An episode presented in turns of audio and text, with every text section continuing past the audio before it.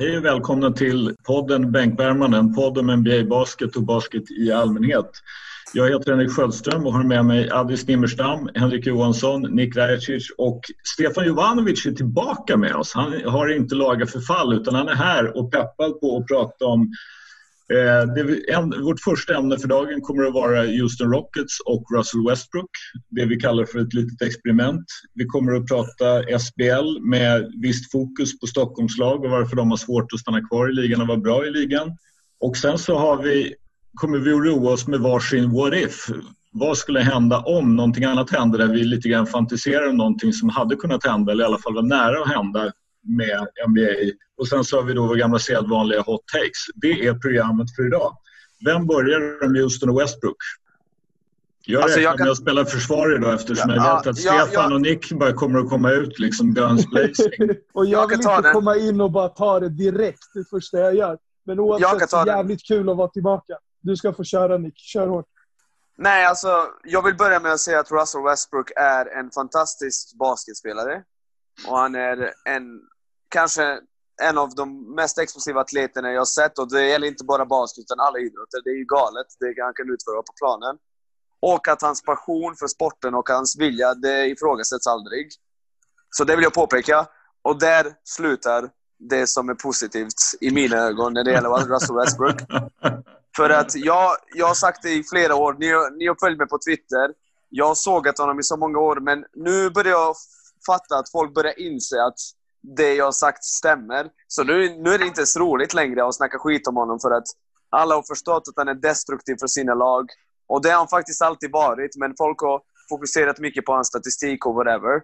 Det vill jag säga om honom. Jag vill säga att Russell Westbrook, han personifierar allt jag hatar med basket. Det där vansinniga liksom, eh, besattheten med att man ska vinna på egen hand, man ska göra det under sina egna villkor om man ska komma åt sina stats oavsett liksom, eh, alltså, spelar ingen roll vad liksom, eh, lagkamrater behöver göra, vad laget behöver göra. Han är en sån snubbe som tror på sig själv till tusen procent och han kommer göra det på liksom sitt eget sätt. Och det är det som har gjort att han och Kevin Durant idag inte har två titlar. Jag har tänkt på det tidigare idag. Att de inte har minst två titlar ihop är ett skämt. Och det beror mest på att Westbrook är helt jävla crazy. Ja, när Kevin Durant bytte från eh, Oklahoma till Golden State var, var ju inte alls arg på honom, trots att de flesta var det. För att jag förstod att han ville faktiskt spela riktig basket. Det är därför han bytte till Golden State. Inte för att han är någon orm, utan jag tror verkligen att han kände Oh my god, det är ju så jobbigt. att bara titta på en snubbe som skjuter. Westbrook sköt mer än eh, Durant några säsonger. Vi kan alla här komma överens om att det är ju bisarrt. Westbrook ska aldrig någonsin skjuta fler avslut än Kevin Durant, oavsett vad som händer. Det finns inte på kartan att Westbrook ska skjuta, och som är galet inefficient ibland, ska skjuta mer än Durant som är typ det vassaste offensiva vapnet jag någonsin sett. Och det sista jag vill säga här är, eller två saker. Först, eh, Russell Westbrook vann ju MVP 2017. November 2019, två år efter det, valde folk att dubbla James Harden och låta honom vara helt öppen. Har det någonsin hänt och kommer det någonsin hända igen att någon som blir MVP, att två år efter det att folk skiter i honom och bara ah, “varsågod, stå upp där och skjut”. Vi bryr. De behandlar honom som en rookie i basketligan som kommer i minut 39 liksom. Och det sista jag vill säga är att Chris Broussard, Broussard en känd basketjournalist, sa för någon månad sedan att om 20 år när folk tänker på Russell Westbrook och Allen Iverson, att folk kommer komma ihåg honom. Att folk kommer komma ihåg Russell Westbrook som den bästa spelaren. Och jag vill föreslå till Chris Broussard att sluta röka crack cocaine eller jag vet inte vad han är på. För att alla vi kommer komma ihåg Allen Iverson som en bättre basketspelare. Kanske inte rent skillsmässigt, men jag ifrågasätter aldrig Allen på samma sätt. För att han gick ut för att vinna och han gjorde allt som laget behövde för att, alltså, han gjorde det laget behövde och just i de här 76ers-lagen så behövde de att han ska skjuta massa. Jag är helt övertygad om att han inte jagade sina stats. Det gjorde Westbrook. Jag har sett det med mina egna ögon. Han... Uh, nej, jag ja. har noll, noll, noll, respekt för uh, hans game. Jag har sagt det innan, jag vet att många inte gillar att jag ser det, men jag har verkligen noll respekt för hur han väljer att förvandla sin talang och överföra det till basketplanen. Måste vara jag nu då. Ja, kör. Till att börja med, bara så spontan reaktion på... Det finns en anekdot om Allen Iverson och givetvis då Michael Jordan. Michael Jordan sitter på bänken under Allen Iversons rookieår och vänder sig om till någon som sitter bakom, någon journalisten och sånt där och bara slår ut med armarna och säger liksom efter att ha kollat på Iverson, Wolves leder givetvis och, och 76ers och stryk, så vänder sig om och säger “Was I like that?” “Well actually Michael, you were a little bit worse”.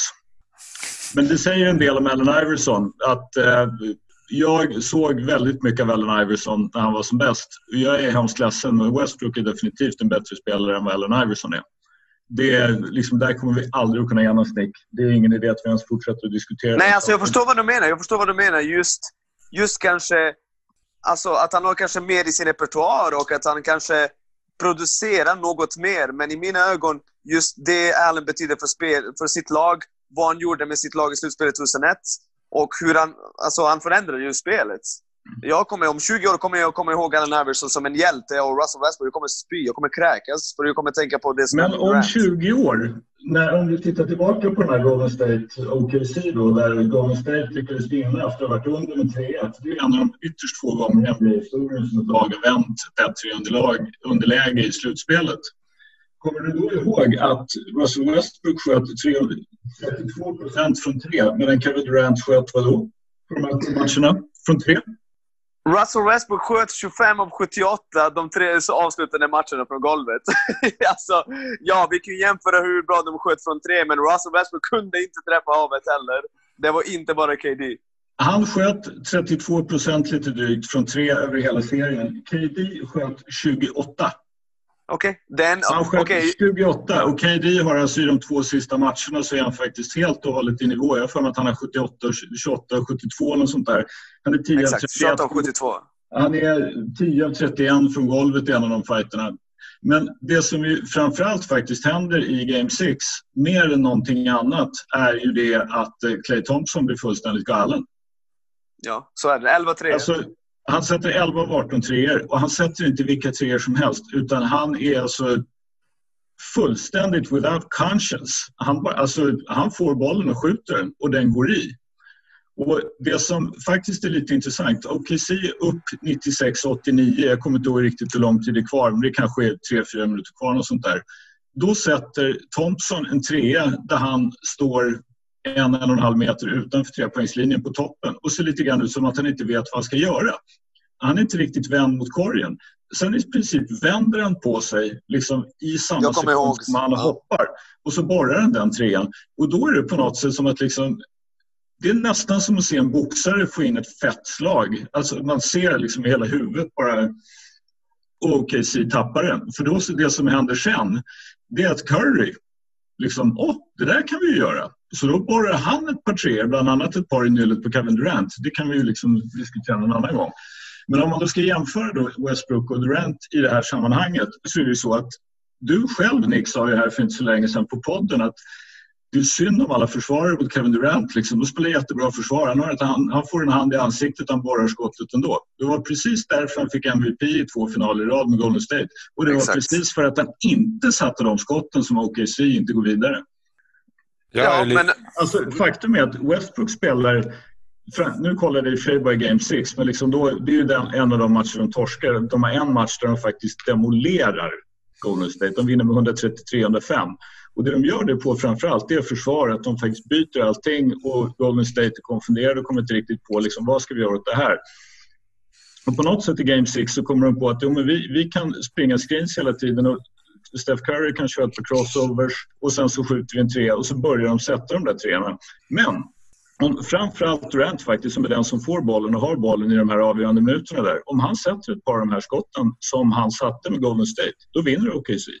Och då går de till finalen och torskar mot Cavs. Finns inte en chans att, Golden, att, att Oklahoma vinner fyra slutspelsserier i rad med Russell Westbrook som poängad, tycker jag. Och Henrik, där handlar det inte om Russell Westbrook match 6 mot Golden State. Jag, jag vill höra vad du tycker om han överlag. Alltså jag, skulle vilja säga, jag skulle vilja säga så här. Alltså, jag, vi, vi pratade lite om Houston Experiment. Jag tycker att Russell Westbrook var ett experiment.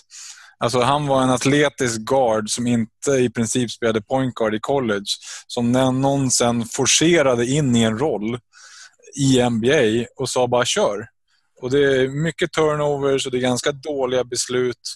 Och jag som Spurs-fan har ju alltid varit glad över att han liksom driver in, slänger den i plankan istället för att ge den till KD. Det kommer jag alltid vara.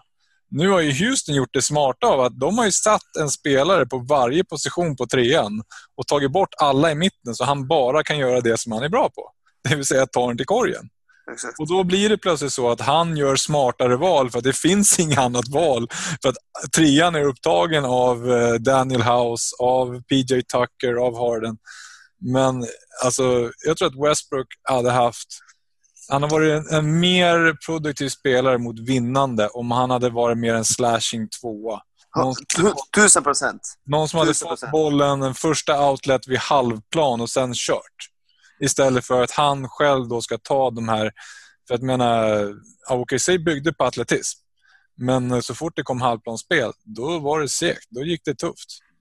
Det var inte bra val då. Jag, kommer... jag, jag, jag har sett... Jag har sett honom spela som tvåa i USAs landslag vid några tillfällen och då funkar det bra. Alltså, han springer ju på kanterna och liksom behöver inte ta massa beslut. Det, där kan man ju tycka vad man vill också om OKCs sätt att coacha honom under de första åren. Och där är ju då, alltså om man nu då känner någonting för OKC, om man känner någonting för Westbrook, om man tycker det hade varit roligt om KD och Westbrook spännat ihop, så var ju 15-16 första året som Billy Donovan coachade dem. Eh, och förmodligen faktiskt så var ju det den bästa coach som Russell Westbrook hade haft hittills och förmodligen den bästa coach som Kevin Durant hade haft hittills. Ändå så var det ju just mot Billy Donovan som KD använde sitt burnerkonto på Twitter och sågade honom och fick be om ursäkt så bara sjöng om det. Och konstaterade att han hade gjort fel och liksom allt vad det var. Men det var ju någonting tydligen då med Billy Donovan som måste ha suttit fel med, med Kevin Kevin Durant. För annars gör man ju inte sådär att man liksom efter ett år kapar honom. Och det bidrog ju förmodligen till att Durant gick. Men jag tycker ändå om man tittar på vad Donovan har lyckats åstadkomma med ett sargat Oklahoma sedan dess hade varit väldigt, väldigt intressant att få se vad Russell, Westbrook, eller Russell och KD hade kunnat göra med en coach som hade förmodligen i alla fall gjort lite smartare grejer med eh, med Oklahoma och med Westbrook om man hade haft liksom de förutsättningarna. Nu blev det ju på något sätt att Durant gick. Vad ska vi göra nu? Ja, först blir det ett år då Westbrook får gå galen och har, snittar sin trippeldubbel och liksom, de har ingenting annat. Menar, de, vem, vem det nu än var som var sämsta offensiva laget i ligan 16-17 så scorade de typ 15 poäng mer på 100 possessions än vad, West, än vad OKC gjorde med Westbrook på bänken. Så det, det är ju men det intressanta, för att strunta lite grann i Westbrook och gå till Houston, tycker jag, det är ju det att de tradar alltså Chris Paul som på pappret borde passa bättre med Harden. Men uppenbarligen måste det ha varit någon personkemisk eller det funkar liksom inte. Och så tar man Westbrook och i samma veva så går man 100% all in på small ball och tradar Capella mot Robert Covington. Och jag är okej okay med om du gör av med Chris Paul och Capella mot Covington och Westbrook. Men inte att du släpper tre första picks också. Ja, exakt. Där någonstans känns det som att liksom, nej, det... För nu har de ju liksom det de har. Det, det kommer inte räcka långt. De, de kommer snart blå upp laget. Eller vad säger du, Stefan? Alltså jag, eh, jag har inte så jättemycket att säga egentligen. Det, det, det, säger inte du till mig när vi pratar om Westbrook. nej, nej, men så här. Det går inte att ta liksom, Westbrooks driv ifrån honom. Det går inte att ta eh, hans eh, vilja att tävla ifrån honom. Inte vinna, för han är inte den som har vunnit mest direkt i sin karriär. Eh, men däremot hans vilja att tävla. Han går hårt och jag gillar det. Han har extremt mycket energi på plan så eh, avskyr han det, även om man tycker om det av plan. Eh, och jag tycker att det är lite för lite av det där i NBA just nu, att alla ska vara polare och hänga med varandra till höger, vänster och allt vad det är. Eh, däremot så är han en, en fruktansvärt dålig beslutsfattare och en giftig lagkamrat. Russell Westbrook är någon som i mitt tycke är bäst i en begränsad och limiterad roll. Eh, där han liksom får, får utnyttja sin atletism till fullo. Eh, men han är, han är nog kanske den absolut sämsta av alla de bättre spelarna i NBA som, som ett första val offensivt. Eh, därför är jag jävligt glad att han är i Houston Rockets och där han får spela andra fiolen bakom, bakom Harden. Det intressanta är att de i princip gjort honom till en, en 1,90 lång Giannis. Som, som aldrig sätter skott utifrån. Han skjuter ju... Han skjuter, till, han, han skjuter, han skjuter inga till, skott utifrån längre. Han jo då, jo då. För, för säsongen snittar han 5-3 per match. Eh, nej, gör Vad är det? Fyra? Nej, det är inte ens det faktiskt. Det är mindre än så. Däremot är en trea i hela NBA på points in the paint. Bakom bland annat Giannis. Men han snittar väl strax under fyra. Men jag, men jag tycker så här om... om 3,8. Eh, ja, exakt. Men jag, jag, tycker så här om Westbrook. Alltså att han väl... Alltså för att jag tycker... Jag håller med om mycket ni säger, men det blir med vissa spelare så fokuserar man så himla mycket på vad de inte kan. Liksom, eller vad de inte är bra på. Alltså oberoende av hans dåliga beslutsfattande och så vidare så är han ju alltså, över sin karriär lagen han spelar i är alltid bättre med honom på planen än när han inte är på planen. Och så vidare. Alltså, han bidrar ju med extremt mycket, även om jag förstår att ja, han hade kunnat justera sitt game för att... Men, men det ni beskriver, alltså hade han varit den bästa beslutsfattaren på planen och så vidare. Alltså han hade typ nej, nej, han behöver inte vara den bästa beslutsfattaren. Han nej. behöver vara kanske bland de tio bästa i ligan för att vara liksom en av Top de bästa. 100! Topp 100 alltså, baby! Ja, jag vet. Men ni beskriver liksom en, en GOAT-kandidat, typ. Om han skulle vara allt det här. Kunna skjuta treor. Vad hade, nej, nej, nej, nej, nej, nej, nej, nej, nej, nej, nej, nej, nej, nej, nej, stopp, stopp, stopp, stopp. Ah, kör. Det är absolut inte det jag, jag i alla fall menar. Han, han är ju han tänker ju inte. Alltså, ibland är det som att han liksom... Han är villig att gå instinkter en hela tiden. Instinkter Exakt, hela tiden. Instinkt. Det är hade han haft, liksom, som du sa, Chris Pauls spelförståelse, det hade varit äckligt. Men han behöver inte ha det, utan bara tagga ner lite. Och uh, jag vill nämna, det var någon, vi nämnde den här MVP-säsongen. Han mm. fick ju MVP för att hans lag vann 48 matcher, för han hade ingen att spela med. Han spelade ju med Victor Oladipo som två månader efter att han lämnat Oklahoma blommar ut. Samma gäller uh, vad heter han, uh, Sabonis och uh, han hade ju Steven Adams. Det var ju helt okej okay lag. Är du en MVP och en point guard så ska du göra folk runt omkring dig bättre. Det är det som är grejen. Jag förstår att laget är bättre med honom på planen. Det är därför vi snackar om honom. Han är ju liksom helt otrolig och eh, han är ju en Allstar och bla bla bla. Men jag känner att hade han justerat sitt spel lite hade han kunnat vinna massa titlar. Och för han hade ju äckligt bra lag runt sig i många år. Men, men, men alltså egentligen, vilka, vilka år... Alltså jag menar, efter KD har dragit, det finns ju, de har inte haft tillräckligt bra lag att vinna överhuvudtaget. Nej. Eh, Nej. Vilka år hade han realistiskt kunnat vinna? Sabonis var rookie det året. Så liksom, jag ja. vet inte riktigt om jag tycker att det är... Men han var sophomore rätt efter och ändå var han hur effektiv som helst. Nej, men alltså vilka år kan han realistiskt vinna? Okej, okay, han var okay, i finals. Okej, okej, okej. Jag är bättre för dig. Ja, men okej, inte, inte vinna, men om vi säger så här då. Ja. Förra säsongen då när de hade PG och de hade Russ. Eller var det för, förra eller förra? Oh, förra va? Steven Adams. Lillard vaxade honom.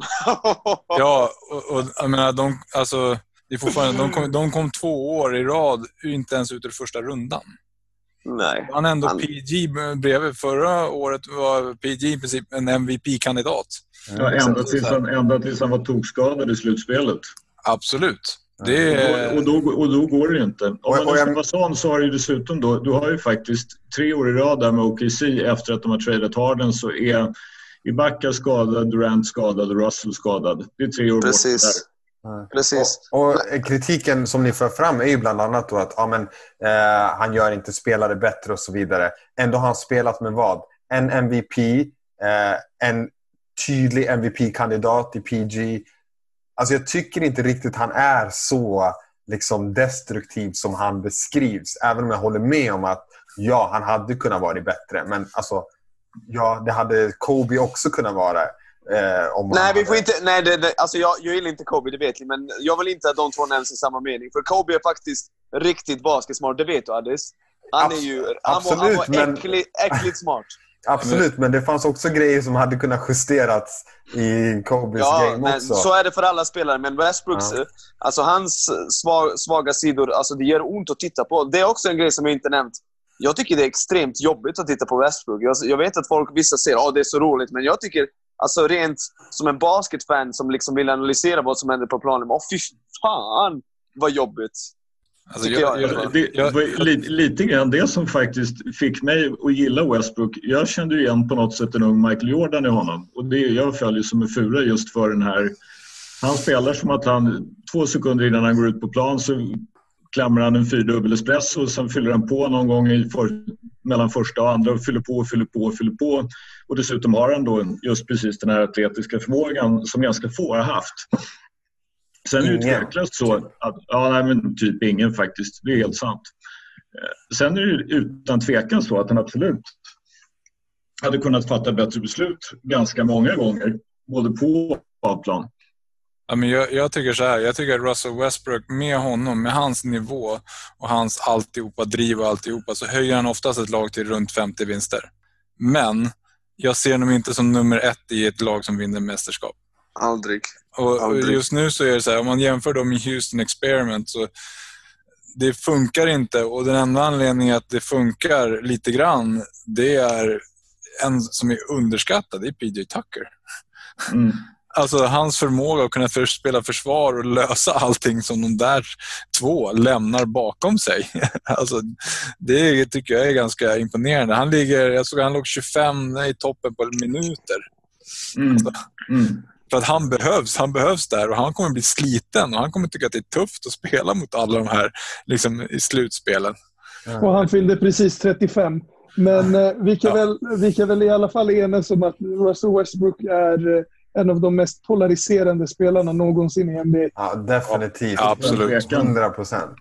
Absolut. Men, vad, vad, tycker ni om The Houston Experiment då? Mer, alltså om man, jag, tycker det är lite, jag tycker det är lite intressant. Så är ytterligare en sån här liksom klagomål som man har på Westbrook och som ligger i det här med beslutsfattandet är ju eh, att hans statistik, just liksom advanced stats och hans ineffektivitet så att säga ligger honom i fatet. Ändå är det liksom Mr Sloan Conference, Mr Analytics himself, Daryl Morey som tradar honom, alltså tradar till sig honom mot Chris Paul. Det var inte hans val. Nej, Exakt. Westbrook är inte hans snubbe. Det, det, var, det var Tillmans val hela vägen. Han var tvungen att skaka upp någonting. Fast var det verkligen Tillmans val, tror du, ta Westbrook? Alltså, jag, jag, tror att han, jag tror att han behövde få bort Chris Paul. Alltså det, det, man ja, märker upp press. Det, det tror jag också. Men jag tänker mig ändå att det fanns, liksom, i och för sig då, visst, det fanns inte så mycket. För alla trodde ju liksom att Chris Paul är i princip slut, vilket var fel. Han har för lång tid kvar på kontraktet och vi tror inte vi kan vinna med honom. Så liksom det, jag förstår att man inte hade så mycket val och det bevisar sig också på det här att man var tvungen att skicka pix. Men det fanns ju, det finns ju i princip, det fanns ju då i princip tre, tre liksom så kontrakt som var så här, det här är otradebart. Chris Paul, Russell Westbrook och John Wall. Mm. Så det var ju bara så här, vem av dem kommer... var skadad. Ja, precis. Så det fanns bara ett val att göra. Att om vi ska få Chris Paul eh, bort så måste vi göra det här. Ja, man, man, kanske hade kunnat lura in Nix på det här på något sätt.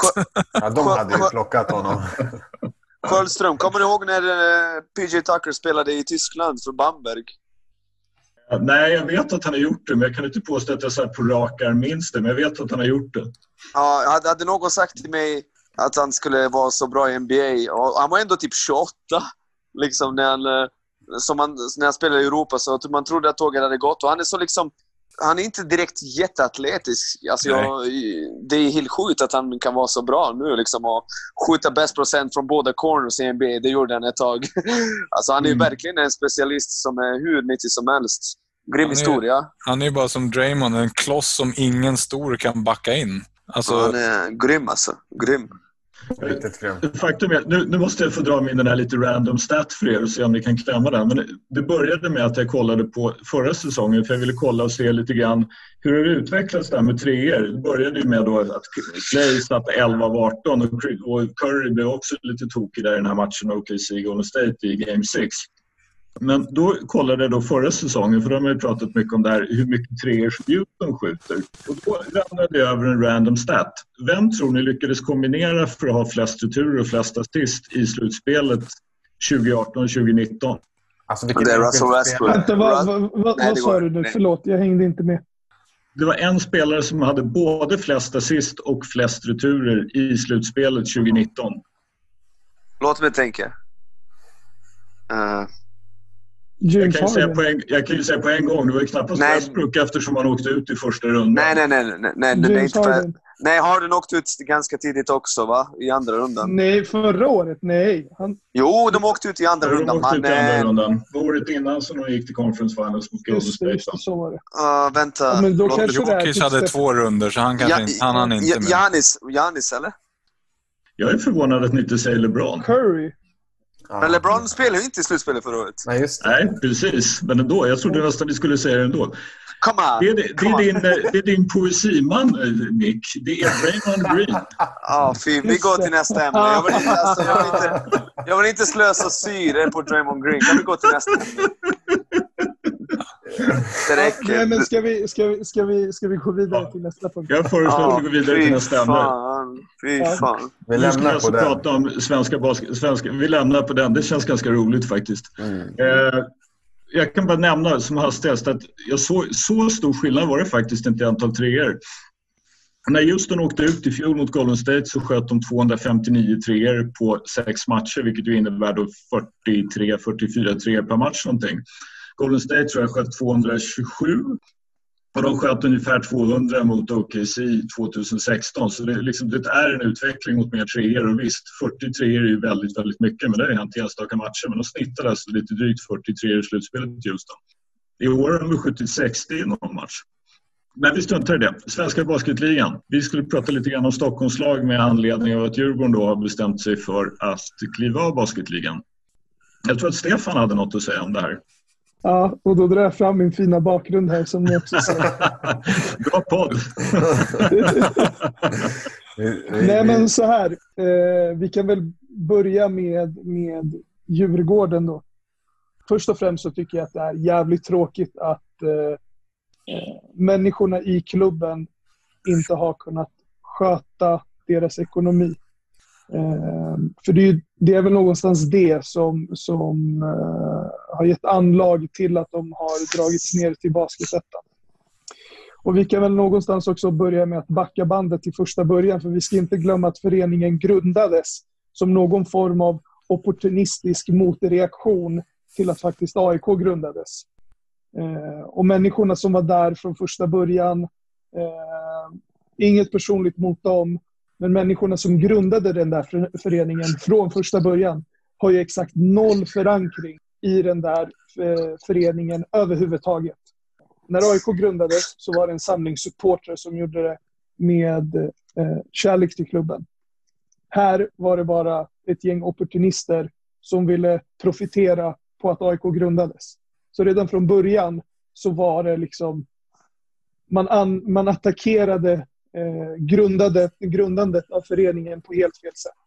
Sen generellt i Stockholmsbasketen så är det extremt... Alltså, det är på en sån låg nivå.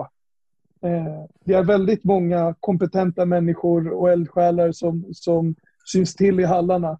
Men rent generellt så är det liksom en ganska, ganska låg nivå eh, på, på eller för de operativa rollerna i respektive klubbar. Du har, du har i princip ingen eh, konkret marknadschef. Eh, du har sällan en kompetent klubbdirektör. Eh, de som jobbar operativt med, eh, med eh, sporten är eh, oftast människor som antingen eh, har varit coacher under, ett längre, eller under en längre period och sen kanske inte nödvändigtvis har hittat sitt eh, och nu på något sätt vill vara de som bygger lag. Med det sagt, nivån extremt låg. Man vet inte hur man ska prata med företag för att dra in pengar. Det är mycket lättare ute på landsorterna för där bryr sig de lokala aktörerna om eh, ortens olika, eh, olika ja, men föreningar. För det är något sätt, eh, eller det är ju liksom i mångt och mycket deras sätt att visa upp själva staden. Om du kollar på Luleå till exempel eh, Eh, extremt stor eh, lokal förankring nu. Nu har ju eh, BC och, och Plannja innan dess funnits där under väldigt lång tid. Och det där är ju också något som, som eh, ligger oss i Stockholm lite grann i fatet. Eh, just att, eh, att det inte finns någon form av historisk förankring eh, av basketföreningar i huvudstaden. Det har förpassats till ytterkantsområdena. Du har en stor förening i Södertälje och du har tidigare haft en stor förening i, i, i form av Solna Vikings som sedermera kom att dö. Eh, tyvärr. Eh, eller inte. Eh, och eh, eh, med det sagt så, så, så det är svårt. Det är jävligt svårt. Det är jävligt svårt att bygga något som är eh, hållbart på sikt när det är ett gäng eldsjälar utan någon större egentligen kompetens. Eh, som vet hur man arbetar i idrottsföreningar. Ja, ja, för, för, en sak som är lite intressant, jag jobbar ju med idrott i Stockholm. Min, mitt jobb går ut på att stödja Stockholmsföreningar och en sak som är lite intressant det är faktiskt att av de tio största idrottsföreningarna i Stockholm, alltså mest medlemmar och mest aktiva, så är fem basketklubbar. De andra fem är fotbollsföreningar. Och det här är då Stockholms stad och inte, alltså inte kranskommunerna, de andra 25 kommunerna i Stockholms län, utan Stockholms stad. Och ändå så har, har vi faktiskt inte haft liksom ett stabilt basketlag i Stockholm. Och då, Solna är ju trots allt Solna, det är en kranskommun, men vi har inte haft ett stabilt basketlag i Stockholm sedan Stockholm Capitals vann SM-guld på 90-talet. Men det var ju inte en så superstabil förening för det var ett, ett hopslag av ett antal olika föreningar när man på något sätt, alltså när det började gå dåligt ekonomiskt för Alvik som innan dess var så att säga den stabila elitföreningen. No, no, förlåt, förlåt Henke, 08 vann 2001, eh, så 2001 var senaste gången. Ja, precis. Det är sant. Ja. Det är sant. Men det stora problemet är just det att vi har alltså fem stora föreningar som har väldigt, väldigt mycket verksamhet och väldigt mycket bra verksamhet. Men just det som Stefan säger med att inte klara av att ett, locka publik, för det är på något sätt det du måste göra för att dra in marknadspengar. Ja, såklart. För som kommersiell produkt så är basketen i Sverige... Alltså, alltså det, är en dålig kommersiell produkt. Mm. Och den fungerar mycket bättre på landsbygden. Jag, jag, tror att det mm. finns ju också ett problem i Stockholm med det här att på något sätt har det blivit så att fotbollen har faktiskt lufsat i sig allt om man tittar på kommersiella möjligheter och, eh, och publik. AIK, Djurgården och Hammarby drar väl liksom en vanlig allsvensk omgång. Vad då Stefan? 55 000 någonting på varsin hemmamatch? 55-60? Nej, det, det är nog eh, att överdriva. AIK kanske ligger på runt Ja, Hammarby, ja, Hammarby, hade, Hammarby hade någonstans runt 23-24 i snitt förra året och AIK ja, men de, de, de, de snittar, 12, de snittar definitivt högre än, än, än AIK och Djurgården. Eh, tänker du sammantaget 55 000? Ja, precis. Allihop. Alla tre. Ja, okay, alltså, ja, ja, totalt, det är rimligt. Totalt allihop. 50 och 60. Det är rimligt. Och under den här perioden då så har ju både Djurgården Hockey har ju i och för sig varit rätt okej lite då och då men de, drar inte, de har ju också problem att fylla en arena i Stockholm. AIK är i näst högsta serien och Hammarby har väl egentligen inte ens ett lag. Jag kommer inte riktigt hur det fungerar med det här. Hammarby försvann och togs över av Bayern fans. Jag har inte riktigt tänkt mig om de fortfarande är Bayern fans eller om de är en förening som återigen liksom är inne i själva Hammarby IF det är mycket, mycket lättare att bedriva en mindre idrott ute på landsorten därför att där har du som sagt ett annat publikintresse, du har ett annat sponsorintresse och du ska på något sätt få ihop det här i Stockholm. Och det har man inte riktigt klarat av oberoende av liksom vilken förening som eh, så att säga som, som frontar oberoende av om det är AIK eller 08 eller Stockholm Capitals eller Alvik för den delen utan det är i närmare 30 års tid så har man haft enormt svårt att få ihop ekonomin. Är inte det som är problemet då? Att alla... Alltså jag, jag tycker problemet med Stockholm är att det är för många. Och det är just det att någon måste fronta och då blir det liksom att man inte lyckas hålla ihop det där. Mm. Jag menar, i, på landsorten, om vi ser Luleå, där finns det mängder av klubbar men alla de liksom går ju ändå upp i Luleå Basket och BC Luleå. Och jag tror att eh, basketen är ju som sagt en idrott där det finns ju inget... Alltså, att sponsra basket, det är välgörenhet. Och Det är lättare att göra välgörenhet på orten där du känner en lokal förankring, där du känner spelarna, du känner laget. Du har troligtvis spelat själv någon gång i din karriär. Än att och dessutom du... ser jag också någon slags good citizenship. Att liksom ja. du som företag bidrar till att eh, det finns något roligt att göra i stan, så att säga, någonstans på en verksamhet som är intressant för de som bor där. Ja, det är klart att Karl-Hugos plåt uppe i eh, Västerbotten kommer att eh, Eh, Eh, vilja sponsra ett basketlag där mer än eh, vad vet jag, Dell i Stockholm. Men alltså, alltså det ska ju fortfarande säga så här. Uh, jag, som att jag jobbar på två så kallade landsorter med idrottsklubbar så är det ofta så här, folk som har hållit på med basket blir ofta ganska framgångsrika företagsledare också. De blir det på en lokal nivå. Så jag menar, från Jämtland där jag har varit, där är liksom Sören Westin som har drivit klubben har varit högt upp i Länsförsäkringar och drivit Länsförsäkringar där. Men det blir ju så. I Stockholm är allting så utspritt och det är så mycket olika grejer som drar och det finns ingenting så här okej, okay, om jag sponsrar det här i Stockholm, vad får jag för nationell eh, liksom, exposure? Det är på, I Östersund eller mindre städer, där behöver jag bara lokal i princip. Mm, mm. Men eh, Nick, var det inte du som hade någon eh, intressant siffra på alltså att det här gäller även andra svenska större städer? Eh, vi sa väl du att det inte finns ett lag i ligan? Kommer du ihåg det här? Nej, men alltså, jag, jag, jag, jag förstår vad ni menar när ni säger att större konkurrens i stora städer och whatever. Men det här handlar i grund och botten om enorm historisk inkompetens. Och nu ska jag förklara varför. Basket, Stockholm har eget basketförbund. Jag har hört någonstans att bas, i Stockholm finns det fler ungdomsspelare än i hela Sverige tillsammans. Förstår ni vad de har att jobba med där? Ändå kan inte 20-30 alltså, syn människor... På det, syn på den, uh, på den faktan. Det där måste dubbelkollas. Ja, men, men det, är no, det är något sånt. Alltså, i, i, I alla fall är det typ 40 procent. 50 eller... Det är sant. Alltså, du, du, jag tror inte du förstår hur många ungdomsspelare det finns i Stockholm. Det är helt... Och du vet, här i Borås finns det inte lika... Alltså, förstår du vad jag menar? Men i alla fall, vi kan kolla upp det och kanske ta upp det nästa avsnitt. Hur som helst. Det finns hur många spelare som helst. Det finns hur många... Det finns ju många klubbar. Det handlar om att vissa människor...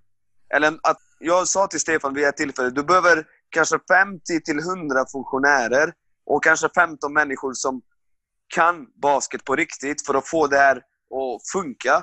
Ingen i Stockholm har följt Köping-modellen eller Nässjö-modellen. Och vet ni vad det är?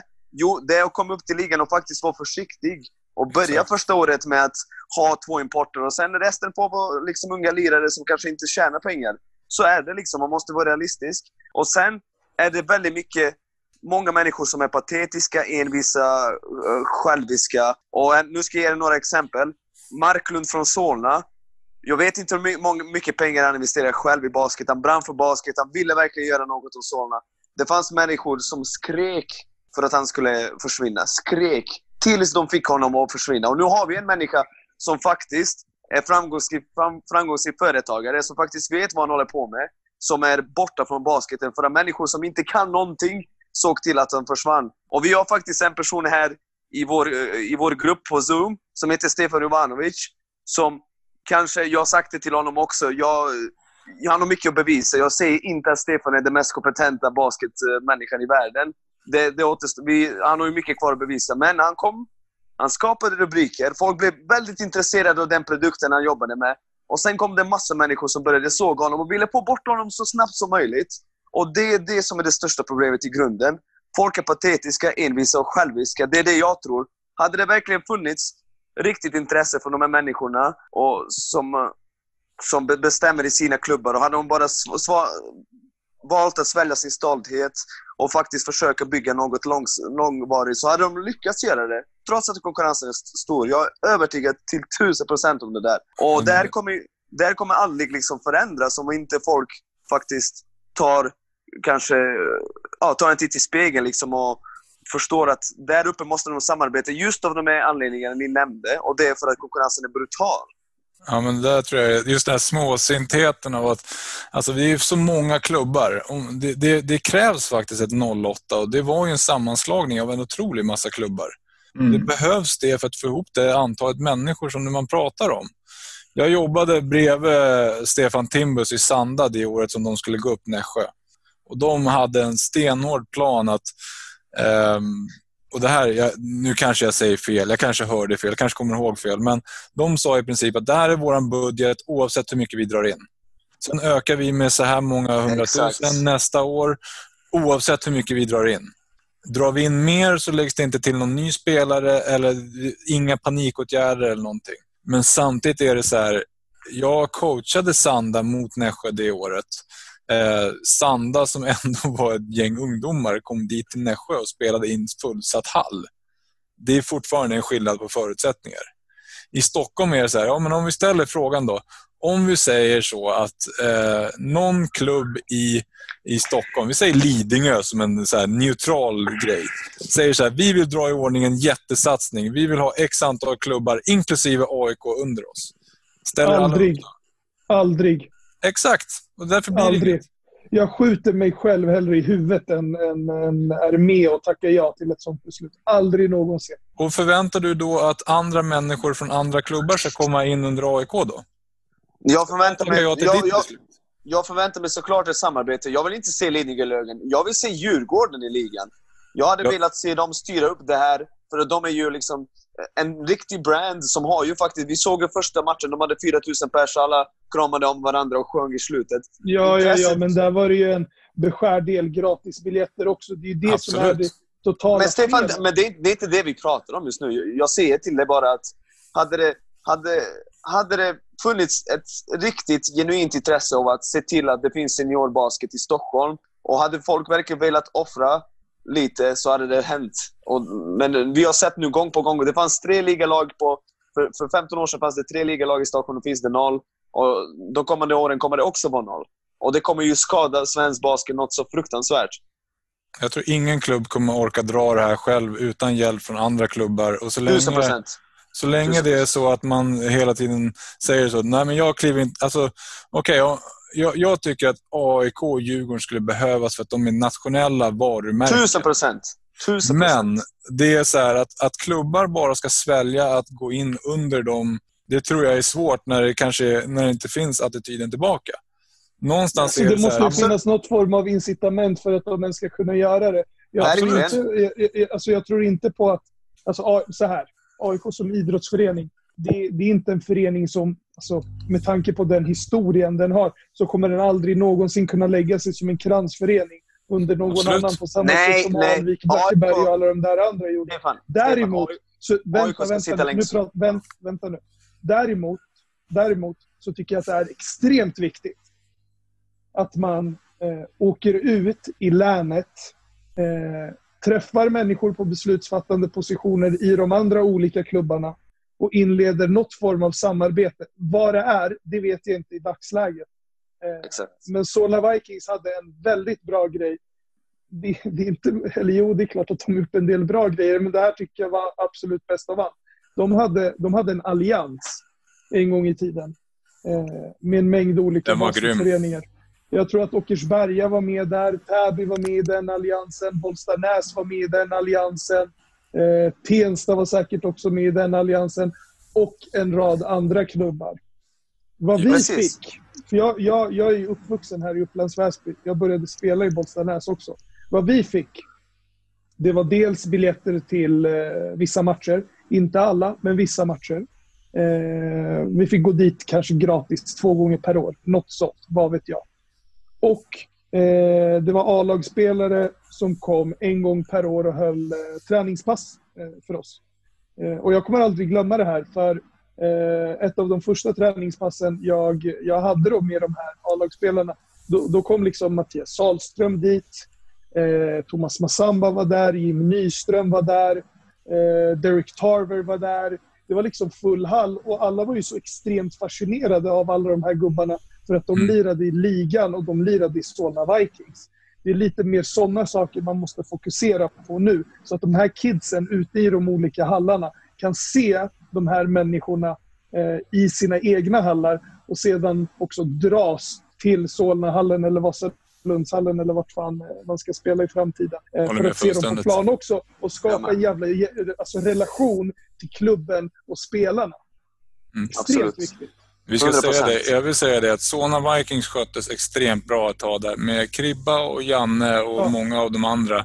Och jag menar, de var framgångsrika under en lång tid. Ja, ja, ja. Eh, och de har tagit in några av de absolut bästa spelarna vi har haft. Kribba visar ju vad han gör i Köping i år. Eller att de inte behåller honom, det är ju tragiskt. Eh, men det det beskriver nu, det är ju sånt som händer på landsbygden. Det är ju Exakt. inbyggt där. Exakt. Och jag håller med om att det är någonting som behövs göras eh, även i storstan för att locka just det här in under. Eh, och Ja. jag, tror, jag tror att det går att göra.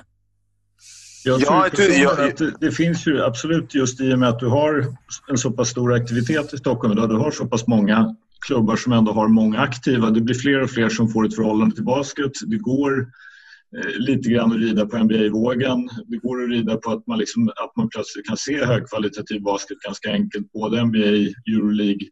Men det är ju det man egentligen har misslyckats med i Stockholm i princip liksom som, som det stora problemet. Det är ju just att locka publik till elitmatcherna om man nu ska prata om elitverksamhet och titta ut på den så. Och det är där man på något sätt behöver, där tror jag att man behöver jobba på alla fronter och se över egentligen liksom ett helt paket. Och som sagt, det är nog ingen dum idé att börja med det här Nässjö, att liksom, vi ska upp i ligan och vi ska etablera oss i ligan och det kommer att få ta den tid det tar. De visste att de skulle få stryk. De visste det Mm. liksom. Så, men de, de, precis som Henrik sa, liksom, två importer, möjligtvis tre efter nio år. Massa unga spelare och så tar vi det lugnt. Vi begränsar vår budget och så ser vi hur långt kan komma. Alla Stockholmslag som kommer upp vill direkt upp och vinna just för att de känner den här pressen. Okej, vi måste dra till oss publik. Vi måste liksom... Den klassiska världsmetropolshybrisen. Exakt. Istället för att liksom ta ett steg i taget. Men uh, Stefan, du nämnde... Alltså hade AIK satsat såklart så hade alla vi här velat se att de andra klubbarna ser till att AIK får den här kicken. Förstår du vad jag menar? Alltså, inte, inte fan vill jag se Lidingö spela i liksom, uh, ligan. Även fast, Nej, och- och- hade Nej, men det var bara ett hade- neutralt hade- exempel. ja, Det var ett neutralt ja, exempel. ja, jag fattar. Jag fattar, jag fattar. Fast det är det här som blir lite grann problemet. Jag tror att om man, om man tittar på just om man tittar på fotbollen som har slukat allt. Där fungerar på något sätt rivaliteten mellan AIK, Djurgården och Hammarby som en, liksom en, en, en publikdragande orsak. Eftersom du inte har Definitivt. en produkt som är på den nivån så att säga vad beträffar basketen så tror jag att det finns liksom inte en rivalitet att bygga på utan för tillfället så tror jag att en, den typen av rivalitet skulle vara väldigt, väldigt besvärlig och jobbig för klubbarna att hantera snarare än att man kan bygga någonting på den. Alltså om man tänker sig att man hade motsvarande förhållanden. Utan eh, på något sätt är det ju så. De klubbarna som är stora i Stockholm och i Stockholms stad nu då, återigen och AIK hör, hör hemma i Solna i, i basketsammanhang så är ju ingen av de här har ju egentligen några tydliga liksom, och starka elitambitioner utan det är ju egentligen i mångt och mycket bredd. Eh, bredd, och, bredd och barn och ungdom. Sen har man ju då eftersom man har ett A-lag på varierande nivå i division 1 eller division 2 eller vad det kan tänkas vara men det är egentligen inte huvudsaken med, med verksamheten. Men förr eller senare så måste ju någon eh, skapa ett koncept som är attraktivt och, drar, och liksom för att bygga ett elitlag och ha en förmåga att skapa marknadsmässiga förutsättningar. Det är liksom Jag- chansen. Och jag tror inte att det kan vara två eller tre eller fyra lag på en gång. Stefan, jag vill bara säga att jag såg AIK möta Djurgården när de inte spelade i högsta ligan och det var fullsatt. Och liksom tv-kameror var där och det sändes liksom på en kanal med nationell frekvens och sådär. Så, alltså, jag tror att i slutändan så hade faktiskt folk velat se ett bra AIK möta ett bra Djurgården. Jag tror att de suktar efter det. Jag tror att intresset för basket är mycket större än vad vi tror. Men det, det, det kan inte simma ut av någon anledning. Men vi behöver, Ja, så- vi, vi behöver hjälpen av nationella varumärken för att höja sporten. Ja. Definitivt. Det är det vi Definitivt. behöver. Vi behöver AIK, vi behöver Djurgården. Egentligen skulle man ju vilja veta, vilja att Högsbo hette IFK Göteborg. Typ. Men alltså, bara för att man får den här bonusen. Guys. Ja. G, G, G. Addis! Addis! Ja. Du har inte sagt något ju. Nej, alltså jag tycker bara det, Men jag skulle vilja bredda diskussionen, för ni pratar om Stockholm och det är, alltså jag, jag hör er. Men, men det här är ett problem som sker i de andra större städerna i Sverige också. Alltså varför har inte Göteborg eh, ett Mm. tydligt lag? Alltså jag vet Högsbo, okej, men det finns ju massa basketklubbar där som inte heller har den här rivaliteten. Alltså jag förstår att AIK, Djurgården, alltså det kommer ju inte gå liksom att eh, ha ett samarbete där på samma sätt. Men vadå? Högsbo, Partille, Kvarnby. Eh, Ja, du, de, de, Ja. de här klubbarna är små. Högsbo är en enorm klubb. Jag tror ni skulle bli Jo. chockade om ni fick höra hur, hur många medlemmar de har och allt det där. jo, absolut. Men- Jag, jag har koll på Göteborg. Men, men det jag menar är bara liksom att även där, de, de får ju inte igång någonting i Absolut. Göteborg heller. Alltså, Mm. eh, för SBL i alla fall. på den nivån. Absolut. De har ju haft I alla fall inte på här sidan. Nej, precis. Damerna gick väl till final förra året. Mm. Ja, Exakt. precis. Så något Precis. händer där. Något Ja, händer. och även Uppsala har haft ett lag länge i ligan. Okej, vad händer där? Jo, det börjar ju redan för länge sedan när man tappar till och med den lokala eh, liksom, sponsringen i Salén. Det är ju redan där egentligen man tappar en ganska stor Samma, sam, samma med Högsbo och Gotia. När Gotia fanns Just där det, hade de exakt. bra löner, de satsade. Och Ja. Gotia, Men vad, vad, var det som, vad var det som hände? Varför blev det så? Varför drog sig Salén bort därifrån? Varför drog, drog sig Gotia bort därifrån? Har Jag- det jag vet- snarare att göra med liksom personliga relationer? Nej. Det är också ett problem att man knyter sig an sponsorer Mm. till sig själv personligt och håller dem och ruvar på dem. Liksom. Och, och den dagen man drar, lex Jan Marklund, så uppstår ett stort jävla hål som Mm. ingen kan fylla för att aha, människor tenderar att hålla i sina, sina egna relationer. Hörrni, vi har pratat om det här väldigt länge. Vi behöver gå vidare i podden från någonting som liknar ett tidsschema. För jag tror inte vi ska göra som Stefan sa och prata i fyra timmar. Ja, men nästa punkt då. Även om, även om vi enkelt kunde. Liksom det, jag tror inte att det i och för sig skulle vara något jätteproblem. Men nästa punkt är ju varsin what if.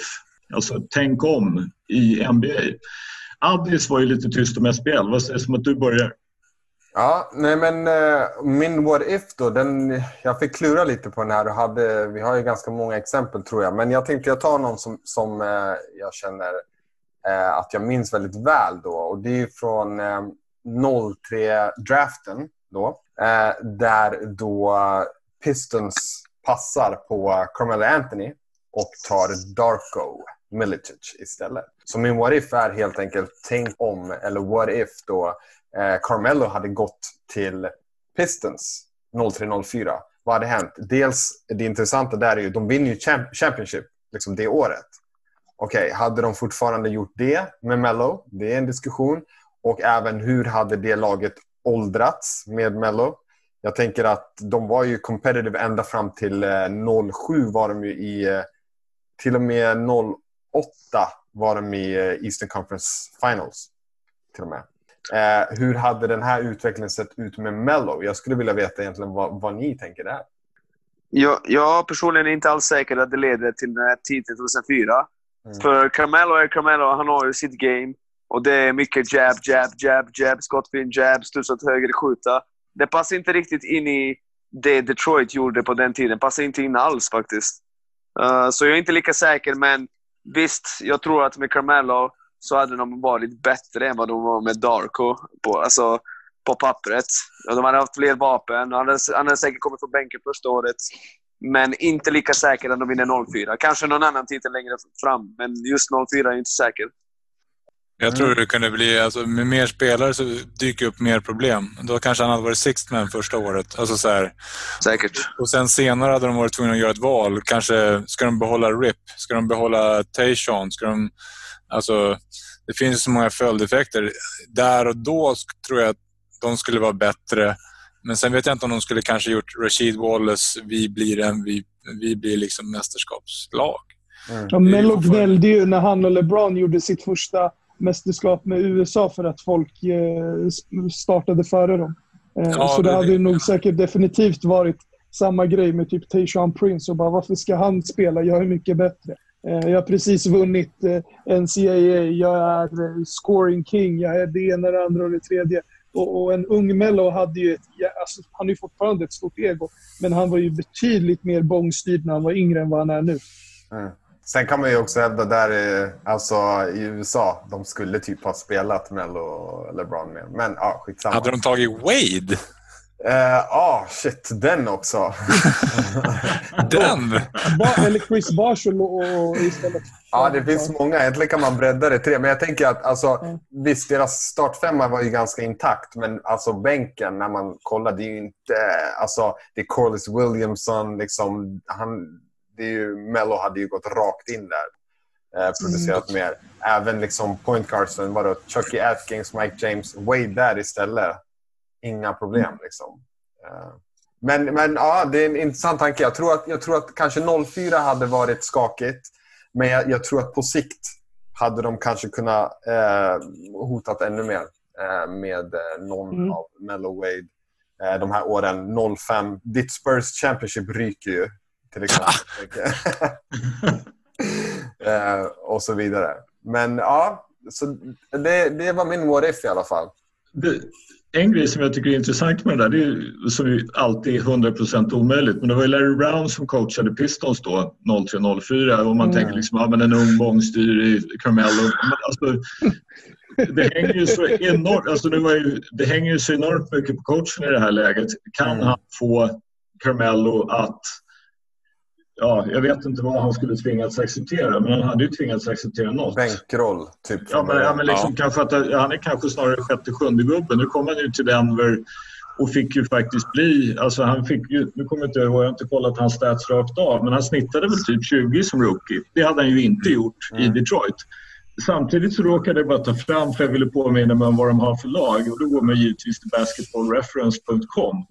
Och då ser jag faktiskt att Detroit det året då som de vinner så är de faktiskt 24 av 29 i grundserien i points per game. De är däremot tvåa i försvar.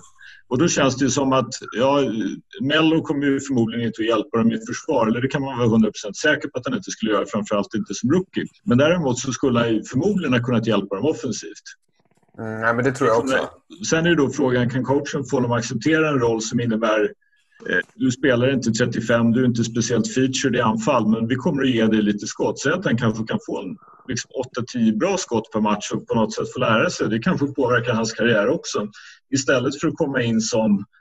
För det här händer ju väldigt många rookies. att eh, Du blir draftad tidigt, du ses som en tillgång och du får alla chanser. Och för en del är det här bra, för en del är det faktiskt absolut inte bra. För en del skulle det vara mycket bättre och på något sätt liksom lite som Nässjö i basketligan få en lite lugnare start och etablera sig och liksom lära sig bli ett proffs och inte omedelbart bli en superstar som, är, som får 20 skott per match och förväntas snitta 2010.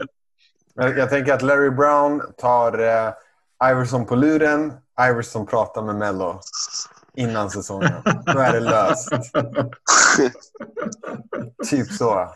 Men, Skulle, ja. Det hade nog kunnat funka. Ja. Ja, ska vi köra nästa eller? Henrik Johansson, what if? Ja, jag kan ju ta min, eh, apropå förlorade Spurs Championships då.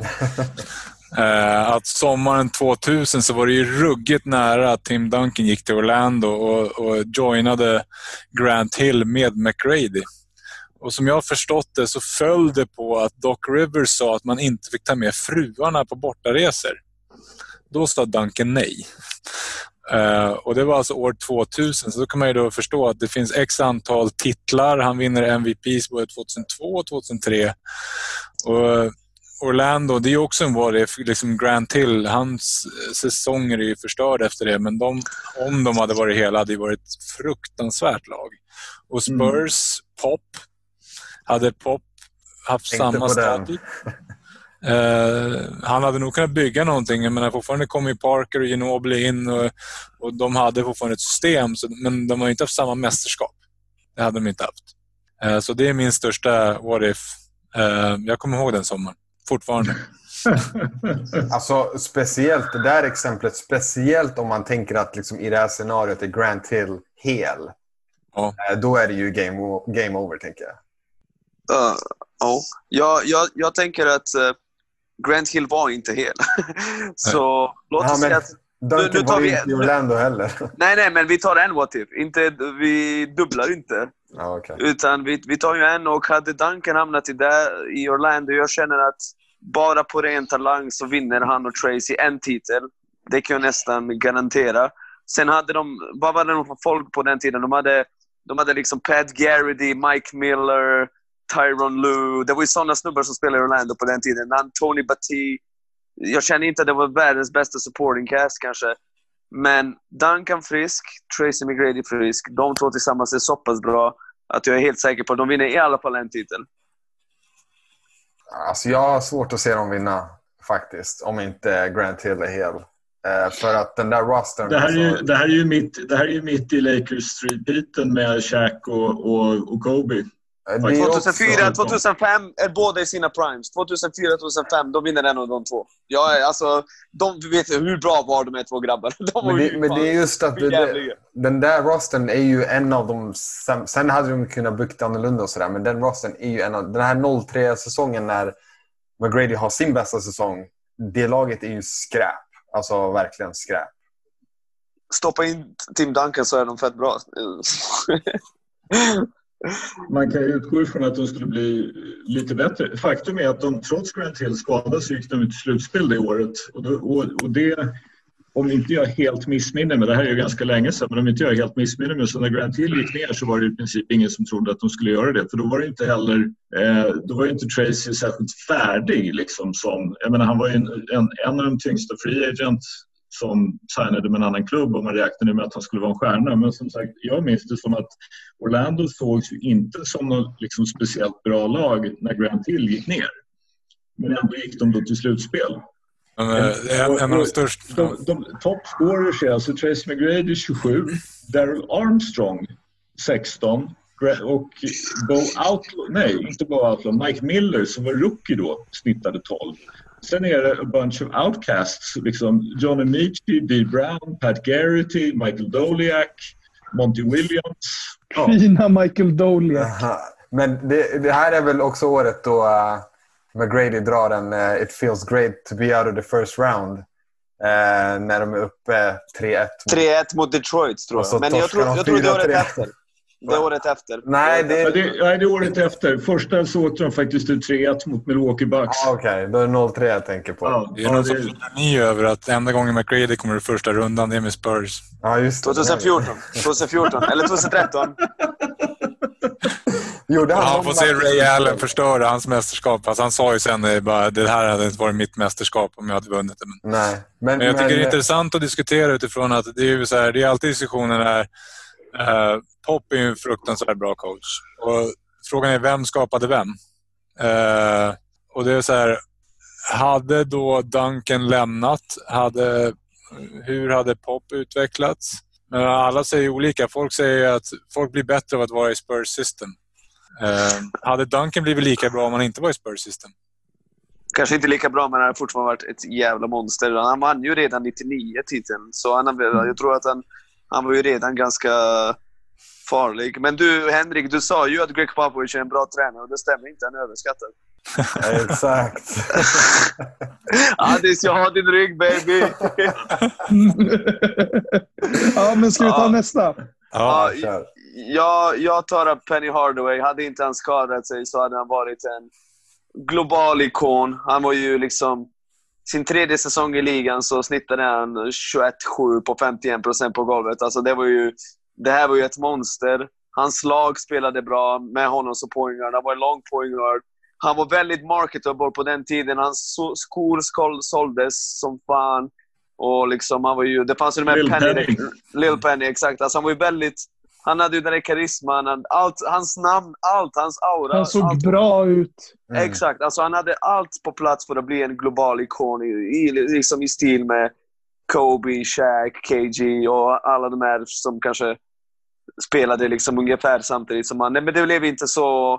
Det fanns en serbisk snubbe som spelade i New York Knicks. Ni vet inte vem det är. Han heter Jarko Chabarkapa. Han... eh, Såklart jag vet vem det är. Ja. Jag ja, känner ja, igen men- namnet som ett sånt där namn som fladdrat förbi någon som har varit typ 13 gubbe, ser fyra minuter någon gång lite Ja, ja, exakt. Men han sa, jag kommer aldrig glömma när han sa i en intervju i en serbisk tidning när jag bodde i Serbien. Han sa att Penny Hardaway spelar på ett knä. Och då var han ändå typ sådär 31-32. Det var inte så att han var liksom 40. Han sa han spelar med ett ben. Ett av, ett av hans ben fungerar inte. Liksom. Så det är synd att skadorna förstörde en karriär som kunde ha blivit uh, historiskt bra.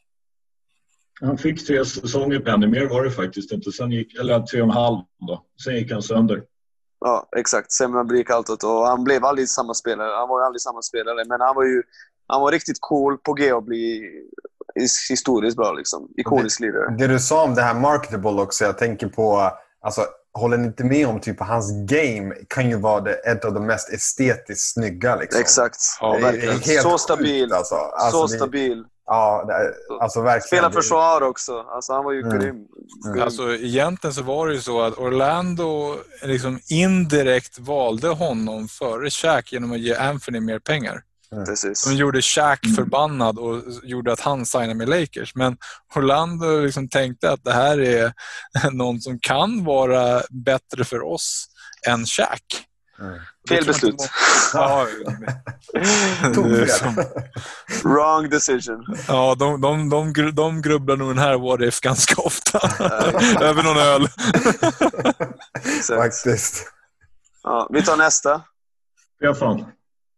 Ja, jag har ju varit lite kluven. Eh, hade Sean Kemp inte dragit näbb så jävla mycket och käkat, käkat Cheetos och Doritos i sängen så hade han kanske blivit en fantastiskt bra spelare.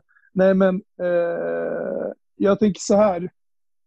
Eh, Steph Curry, om inte han skadar fotlederna och tvingas skriva på det där billiga kontraktet. Vinner ens Golden State några titlar längre fram? Med tanke på De- cap space de, och, de, och som men, de, men de får alltså... red- Redan, re- jag tror att Clay Thompson och Draymond Green, när de har vunnit sin första titel så är de fortfarande på sina rookie-kontrakt. Så jag, Men- tror en, så jag tror ändå att de vinner en titel, men det är en bra fråga. för Jag kommer ihåg när Steph Curry signade det kontraktet. Jag tyckte att... KD oh, hade ju inte, alltså KD hade ju aldrig kunnat skriva på för dem. nej, nej, nej, Nej, inte- verkligen inte Nej, nej, nej, Iguodala heller. Så jag tror Exakt. Så att, hade, hade, men så här, bättre fråga. Hade, hade, Okej, de hade kanske vunnit en titel. Men hade den här, inom citationstecken, dynastin uppstått? nej, Nej, nej, Nej. nej. aldrig. tror Hade inte Golden det. State varit det franchiset Verkligen inte. Verkligen inte. Alltså, folk, folk glömmer ju lite den här konversationen. Jag lyssnade på en podd som sa det idag. Alltså Golden State, det fanns ju ett legitimt val mellan ska vi satsa på Steph Curry eller Monte Ellis. Ja, Det är På, helt på grund sinnes. av fötterna. Det var på Mm. grund av fötterna mest, men för att han inte kunde hålla sig hel och alltihopa. Han var liten och så vidare. Men det var, Mm. det var ett, Men de har inte kunnat signa Iguodala heller. Nej. Nej, det är sant. Det är sant. Och han var Alltså- viktig i den första runnen, för han höll LeBron på bara 34, 12, 8 per match. Så, Det, det är väl Exakt. 15 de 10%. vinner första, eller hur? 2015. Ja, det är bättre. Ja. ja, och då, då är det är första året på Currys nya kontrakt. Sant. Så att de är, Nej. han är inte ens på rookie-kontrakt. Nej, jag har det framför mig. Så. Är det ens första år på det kontraktet? Ja, 2014-15? Ja, till och med andra ser jag nu. Till och med. Andra, andra. Okej, ja. Jag tänkte Ja. väl att... Men eh, så att... När eh, skrev Draymond på sin extension? 2000, när de vann titeln 2015, det kommer jag ihåg. Det första han gjorde var att lägga upp ett Instagram-klipp när han får fotmassage på någon strand. Jag bara, mannen snälla. Gå och revolutionera massagebranschen. Jesus Christ. Om inte jag är helt missed, men det finns en rolig grej med det där också. Nu kommer jag inte ihåg exakt, men eh, Curry draftades väl som sjua och det togs ju några point guards innan honom i den draften. Johnny Rubio Flynn. Precis, Alltså, Rubio och Flynn. vi- Precis, de tog väl både vi- Rubio och Flynn Minnesota- det året. Ja, exakt. De passar ju Som femma och sexa, gånger. så de passar på dem Två två gånger. gånger. Det är helt makalöst. Det är också en what if. Ja, det är otroligt. Ja, då återstår alltså min... hög pick det året. Jag tror Nix låg Hade, hade, picken inte, efter. hade, hade, inte Nix alltid höga picks då? Nej, men jag tror Nix hade picken efter och väntade på Curry, tror jag. Exakt. De var ju ute efter Ja. honom. Ja, var det så? Ja, Ja, nu minns jag inte vem de hamnar med, men det... Ja. det spelar ingen roll. Ah, ja. Han Hill. Han Hill, tror jag. Vad hette han? Uh, Hill. Kommer du ihåg han? Typ, han ja, Ja, det är riktigt. jo. Jordan Hill. Jordan Ja. Hill. Oh my god, var det Jordan? Ja. Så var det faktiskt. Oj, oj, oj. Ja, det finns Sen många så, sen, draft. så, sen så direkt efter Jordan Hill faktiskt så kom ju eh, Henrik Johanssons favorit då, DeMar DeRozan. Åh, Midrange king. ja, precis. Den är generationens Michael Jordan. Ja, faktiskt, faktiskt en, en bra draft ändå för... Han är, den eh, där, han är den jäveln som har lyckats knäcka analytikerna. För han skjuter inga öppna treor utan driver in och skjuter ett öppet halvdistanser istället. Så bara, jag är effektiv. Håll käften på det, det är så roligt att gå igenom det här, men det här är faktiskt var en ganska bra draft. Blake Griffin etta, Och så då för all del Hashim Tabit tvåa. Harden trea. Tyreek Ja, Evans fyra. Rubio, Flynn, Curry, DeRozan, Brandon Jennings. Sen Jonas Jerebko! Jonas Jerebko Ja, vi baby! kommer dit, precis. Och så Drew Holiday, Jeff Teague, Ty Lawson, Darren Collison Ja, riktigt bra draft. och så Riktigt Ty bra. Gibson och så, så småningom då Sergio Llull. Eh, nej, Ja, fan inte. Jo, och så då i Repko som nummer 39. Ja. Så det är som sagt kul, kul, kul draft onekligen. Min what if då? Jag fast ju då vid, vid, eh, vid draften för 1979 så draftade Los Angeles Lakers Magic Johnson. De hade i någon trade lyckats komma över New, Or- eh, New Orleans pick. Så de, det är alltså därför då, fast trots att, då New York, eller trots att Lakers var så pass bra så hade de alltså då möjlighet. Och då avgjorde man så att de två som kom sist i grundserien i varsin conference, då avgjorde man detta med en slantsingling. Och Lakers vann och Chicago Bulls förlorade. Om Vem valde ni?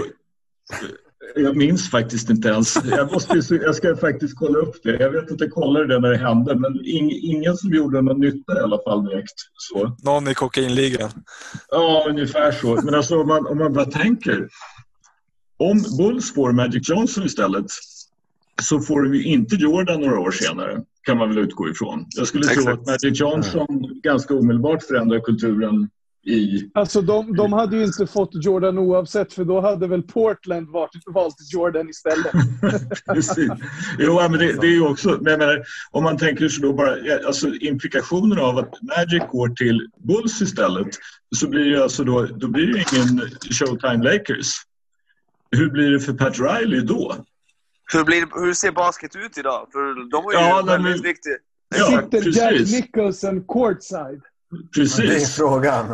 Alltså, och, och Bulls får då inte Jordan och då vet man ju inte liksom vad händer. Kommer Phil Jackson då? Alltså det är två av de i alla fall under min levnad tre bästa coacherna liksom, som är helt sådär Ja, det är en mindblowing what if faktiskt. på en slantsingling. Hade Exakt. Magic suttit i det där hotellrummet och blåst kokain. Med resten av Jag Chicago måste Bulls. kolla vad Chicago Bulls tog för någonting. Den tog David Greenwood Ja, Greenwood, Ja. men han är han var ju bra. från, från UCLA. David Greenwood. Jag har faktiskt inte ens hört talas om honom. Jo, va? Addis, vet, vet du inte vem David Greenwood var? Nej, ingen aning. Nej, jag skojar. Det är ingen som vet vem det Det, är. det, det är liksom in, han åstadkom ingenting minnesvärt, men han var faktiskt en av de som fick vara kvar i Bulls eh, ett år eller något sånt där efter att Jordan kom. Så tradade de honom till Spurs. Han snittar ju 12-10 84. Det är- Oj, oj, oj! Greenwood! Air, Air Greenwood! Deras eh, James Worthy tillsammans med Magic. Då. exakt, exakt. Men det är mycket sjukt som kan ha hänt. Jag menar, det fanns ju rykten om att eh, Houston ville skicka Ralph Sampson för, för andra valet i 84-draften till Chicago. Och, eller till Mm. Portland och så vidare. Det finns ju massor med sådana där. Det är ju en hel djungel. Men jag tycker ändå en slantsingling, för som jag ändå förstår det så var det liksom, det var ju ingen större tvekan om att den som kom etta skulle draft, äh, drafta Magic. Nej. Vem mer var i den där draften? Jag är lite osäker faktiskt på om det är någon som... Jag tyckte, eh, Bill Cartwright gick som trea, som ju så småningom hamnade i Bulls. Men han blev ju då draftad av... Eh, sen så var det ju då eh, Magic Johnsons lagkamrat från Michigan State, Greg Kelser. Eh, som ju var väldigt, väldigt bra i college, men som jag minns det som liksom en inte speciellt anmärkningsvärd NBA-karriär. Sidney Moncrief, Vinnie Johnson så småningom, Cliff Robinson, Jim Paxson. Nej, för många, för många gubbar nu. För Ja, gubbar. ja men det är, och det är som sagt, det är, det är liksom det är inga såna här, alltså inga world beaters på något sätt i den draften utom Magic och sen då några som ändå blev okej. Mm. Ja. Och två år senare överdoserar inte Len Bias. Blir han en fantastiskt Precis. bra Mm. basketspelare? Vad händer med Celtics? Hade vi haft någon Boston-fan hade ju det varit en ganska given if, Ja, Mm. verkligen. faktiskt, måste man säga. Jaha, då är Ja. vi klara med alla what ifs. Då har vi ett avsnitt kvar på dagens övningar. Den sedvanliga gamla fina hot takes. Vem börjar? Uh, Tyck, alltså, Tycker ändå Johansson ska börja. Ja, kör du Johansson. Okej. eh, det här kanske inte är någon riktig hot take, men för att de var ändå bäst under grundserien. Men jag skulle säga så här. Jag skulle säga att 2015-2016 var det bästa Golden State-laget av dem alla. Även fast Durant inte var där så tycker jag att de var bättre. Du fick den bästa versionen av Draymond, du fick den bästa versionen av Steph, du hade en bredare bänk och det var värt mer än att ha KD och en skräpbänk. De vann 72 matcher, 73 matcher. Gick till sju, sjunde finalmatchen och sen kom LeBron James! Och Ja, cementerade det- sin men legacy. det- 73 Cementerade sin legacy som den bästa en- basketspelaren genom tiderna. Let's go! Nej, men jag, No, we didn't. Ja, men just det här, alltså, visst, jag tror inte Steff var 100 procent. Och Bogut saknades. Det var två viktiga. Det här med att spela Festus i Zili i slutet var ändå ett ganska tveksamt val. Men jag tycker ändå att det laget var det bästa. Och jag skulle vilja säga att om man spelar med dagens regler så är det det bästa laget någonsin. Fan, vad- Alltså. gick inte Festus Ezeli på Vanderbilt?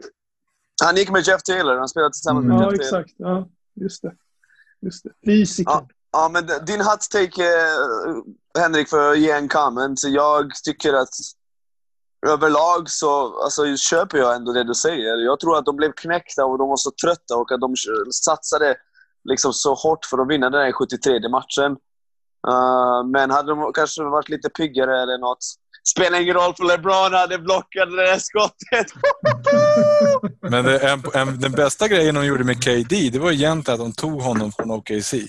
Ja, det är helt sjukt. Alltså, med. Alltså så att, alltså att han inte blev en motståndare utan han blev en lagkamrat. exakt. Mm. exakt. Alltså jag håller nog inte med. Alltså jag hör dig och så, men jag tar Durant-laget över det. Även om jag tycker Jag också, att laget liksom presterade kanske bättre regular season och så, men jag tar hellre uppsidan av att ha Durant på planen. Jag tror han dubblade, han dubblade upp för mycket vad, vad Draymond gjorde och han tog bort för mycket av annat. Så jag, jag tror att som, om de två lagen skulle mötas skulle jag, skulle jag ta 2005-2016. Tar Men du det vet, också som eh, coach, eller? Ja, lätt. Är det så? 16-17-laget förlorade en match i slut, hela slutspelet. De körde ju över allt och alla. Nej, Jag skulle ta... Okej, ja. Men bra, bra hot take. Det är Vem tar nästa? Vem tar nästa? Ja, inte jag. Jag brände min sist. Jag Ja, har Nick, inget att komma Nick. med. Nick, jag Yes. står Ska jag ta min hot take? Kör. Oh, fuck. Alltså nu känns det jobbigt för att jag trashar Michael Jordan varje avsnitt. Jag, tänkte- jag tänkte... Jag, jag tänkte att vi kunde hoppa över. Men min hot take är att om Michael Jordan draftas av Cleveland och spelar nio finalserier så har han också 3-6 record eller max 4-5. För att de flesta gångerna Le- LeBron spelade i finalen och så mötte han lag som var bättre. Framförallt i Cleveland. Sen med Miami. Han spelade fyra finaler, vann två. Och det är så jag tror det hade sett ut för honom om han hade spelat i en bra, hälsosam organisation. Hade han spelat för Miami hela sin karriär hade han kanske spelat typ tio finaler och vunnit fem. Men nu spelade jag för Cleveland. 2000, den sista finalen, det var ju pinsamt. Det var han och Jeff Green mot Golden State. Det var inte ens nära. Eh, uh, 2014-15 spelade han ju liksom med, uh, utan Kyrie och Kevin Love som är skadade. 2007 är han på tok för ung. Han har skräplag som är där bara på grund av honom. 2011-finalen vinner Michael Jordan. Det gör han, 1000 procent. Och, uh, men jag vet inte om Michael Jordan klarar av att kanske göra en... Vad, vad är det som lå- låter i bakgrunden? ljud i bakgrunden? Ja, hur som helst, Michael Jordan. Hade jag varit i, i LeBrons sits hade han inte vunnit nio av nio finaler. Utan det hade varit 3-6 eller 4-5. Så. Alltså ljummen take min... Jag håller med. Alltså jag är med. Yes! Jag, jag är game. Ja. Ja, två. Vi har två. Stefan, hoppa på. Hoppa på, Stefan. Ni är ju helt fel allihop. Han har ju garanterat minst 5-4. Det finns ju inte en chans att han torskar mot Spurs. Henrik, Henrik, vi vet din åsikt. Stefan, hoppa på. Nej, jag, jag, jag kör Schweiz och är neutral. Åh, Okej, Johansson. Johansson, kom igen. Jag behöver majoriteten. Johansson, du behöver det. Snälla, ge mig den. Jag tror han har gått till en till final. men, men vänta, om nio, hur många vinner han? Kom igen, vi behöver svar. Konkreta svar. Jag skulle säga fem. Oh, nej, fyra eller tre. Ge mig fyra eller tre. Vi måste ju krossa Ja. Sköldström på det här. Vi måste Ja, men- krossa Sköldström. Ja, jag jag Hashtag inte- krossa Sköldström. Jag hade inte velat se Jordan mot mina Spurs. Nej. okej. Jag, jag tror ju att han tar, han tar ju alla fyra med eh, han tar ju alla fyra med Miami. Även sista året med Miami som han spelade med Vengeance och hade till bästa bollflödet jag någonsin sett och massa som kom in och presterade och levererade. Det Spurs-laget är underskattat i historien. De är ju... Alltså, jag, jag säger inte emot det, men jag tror ändå att han tar det. Eh, Mot, den, den upplagan av Spurs. Däremot, Stefan, om, om, Stefan. Om, man, om man ska säga någonting så är jag ju inte riktigt lika säker på att eh, Jordan löser Golden State med Cleveland om man nu liksom bara ska byta lag så där fram och tillbaka. Alltså, däremot Mm. så tror jag att Jordan hade ju aldrig lämnat Riley. Han hade ju inte, Nej, liksom, nej, han hade sant. inte haft Cleveland liksom att komma hem till. Så det blir, Sant. allting blir liksom otroligt hypotetiskt ur, ur, ur alla de här. Men om vi nu tänker oss att han liksom ska ersätta LeBron rakt av i Cleveland så tror jag att LeBron är bättre skickad att eh, Precis, lösa Golden. State den finalen som Cleveland ändå vinner mot Golden State. Medan jag däremot inte kan tänka mig att Jordan torskar någon av finalerna när han är i Miami. ja, det, okej, det, kan, det kan jag köpa. Han går ju inte ens till- minst. Han går inte ens till final 2012. Han ryker mot Boston. 100 procent. Stefan! Stefan! Varför Alltså, är du så feg? Stefan! LeBron var tvungen att gå in i God mode för att slå Boston 12. Jag tror Jordan slutar för han är för trött på Mario Chalmers. Och Norris Cole. Norris. Stefan, varför är du så feg? Varför Nej, är du så feg. Jag orkar bara inte. Vi kan gå vidare till He- Henriks hot take. Snälla nån. Ah, ja. Tänk på, just det, jag skulle ha en hot också. Det är ju faktiskt där, apropå Basket Stockholm, så tror jag att jag är inte säker på vilken förening det blir, men jag är ganska säker på att vi inom... Idag är det 2020. Det kommer att bli problem som vanligt när det blir i Stockholm när man ska ha tillstånd att bygga arenor och man ska få ihop allting. Men KFUM Central kommer att få bygga en hall eller arena eller vad man nu ska kalla det för vid Torsplan. Den arenan kommer att bana väg för att vi har ett bra lag i Stockholm i basketligan senast 2028. Sen om det är KFU Central eller AIK eller Djurgården eller vad det nu kan vara, det vet jag inte. Men jag är ganska säker att vid den tidpunkten så kommer det att finnas några människor som kommer att se till att det blir så här. Människor som har lite inflytande, som har lite företags-know-how och när det finns då liksom en intressant hall och de kommer förmodligen också, precis som alla andra, att prata om att man liksom ska in och spela internationellt och att man ska göra någon. Men jag tror att då kommer man på något sätt att vara tillräckligt många för att få ihop det här och få det att fungera. Men det kommer att krävas att man har någonstans att vara, som inte är Globen. Och det kan bli den arenan. Låter kul. Ja, låt det, från Låter din väldigt mun till Guds öron. Från din mun till Guds öron. Vi, vi hoppas på att det Ja. där stämmer. Jag blev eh, inspirerad av ditt tal. Det var ingen hot. Med Ja. tanke på historien så får man väl ändå säga att det var det. 01 senaste guldet med 08 och innan dess var det väl Alvik 95 och nu finns det inte ens ett, ett, ett SBL-lag i Stockholm. Ja, det, det hade kanske Vad- varit en, en hot take om du hade begränsat det till 2025. Mm. Precis. Precis. Men, men annars tycker jag ja, det lät jättebra. Det där med nya hallen, jag, det har jag tänkt på mycket på sistone. Vi får se vilken effekt det kommer ge. Vi får se vilken effekt. De måste först sätta igång och börja bygga. Har de börjat bygga, Henrik? Nej, men de, får, de, har, de har ju fått någon form av tillstånd och sen så är det då en byggherre som heter Serneke som har byggt där bland annat Kviberg Arena i Göteborg. De är med liksom på tåget för att bygga det här. Så det blir Okej, en, en, en underjordisk arena och det kommer ligga en tunnelbanestation precis intill och sen så blir det, om jag förstått det hela rätt, någon form av hotell, företagslokaler ovanpå. Det låter lovande. Ja, man önskar ju att man hade haft bröderna Gardell vid sin, sin sida. Till exempel. Ja. Ja. Ja, min tur då. Jag tror att John Morant kommer att eh, vinna MVP inom eh, fem år. Jag köper den. Jag köper den big time. Jag älskar Jazz Game. Jag tror inte Memphis kommer vara bra nog. Ja, Du vet du det? De är slutspelslag. Vänta, vänta. De är slutspelslag deras första år.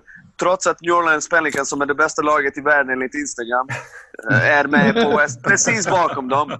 Du lyssnar på för mycket troll. Det är ingen fattar ni? eh, Instagram... Det är ingen expert som har sagt att de kanske kommer till slutspel. Det är, det är ingen som har sagt det. Adrian Wojnarowski sa att de kommer vara contenders. Alltså han sa inte det med de orden. Han sa de, alla trodde att de skulle vara bland de sista och nu gör de tvärtom. Jag befogade det klippet flera gånger. Jag kan göra det en gång till på Twitter. Det enda jag har sett är att det är så här, de kommer vara med i playoffs.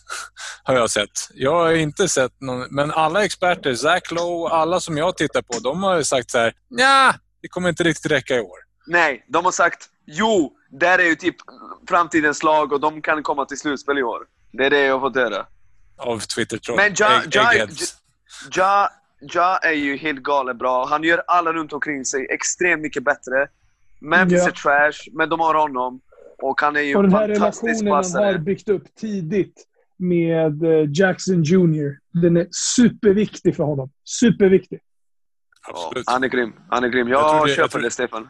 Jag tror det paret kommer bli ruggigt bra, men jag tror inte Memphis som helhet kommer att få ihop. Men fortfarande, de har signat han eh, Dylan Brooks till längre kontrakt. Och sen är frågan om... Bra kontrakt.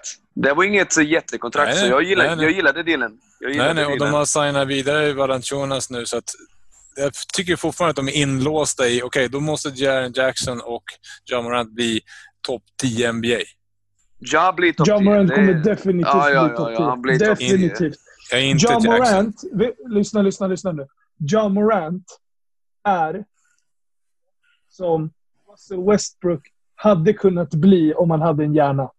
Jag älskar den jämförelsen. Jag älskar den jämförelsen. Stefan, jag älskar den jämförelsen. Den är ju bra. Ja är galet atletisk.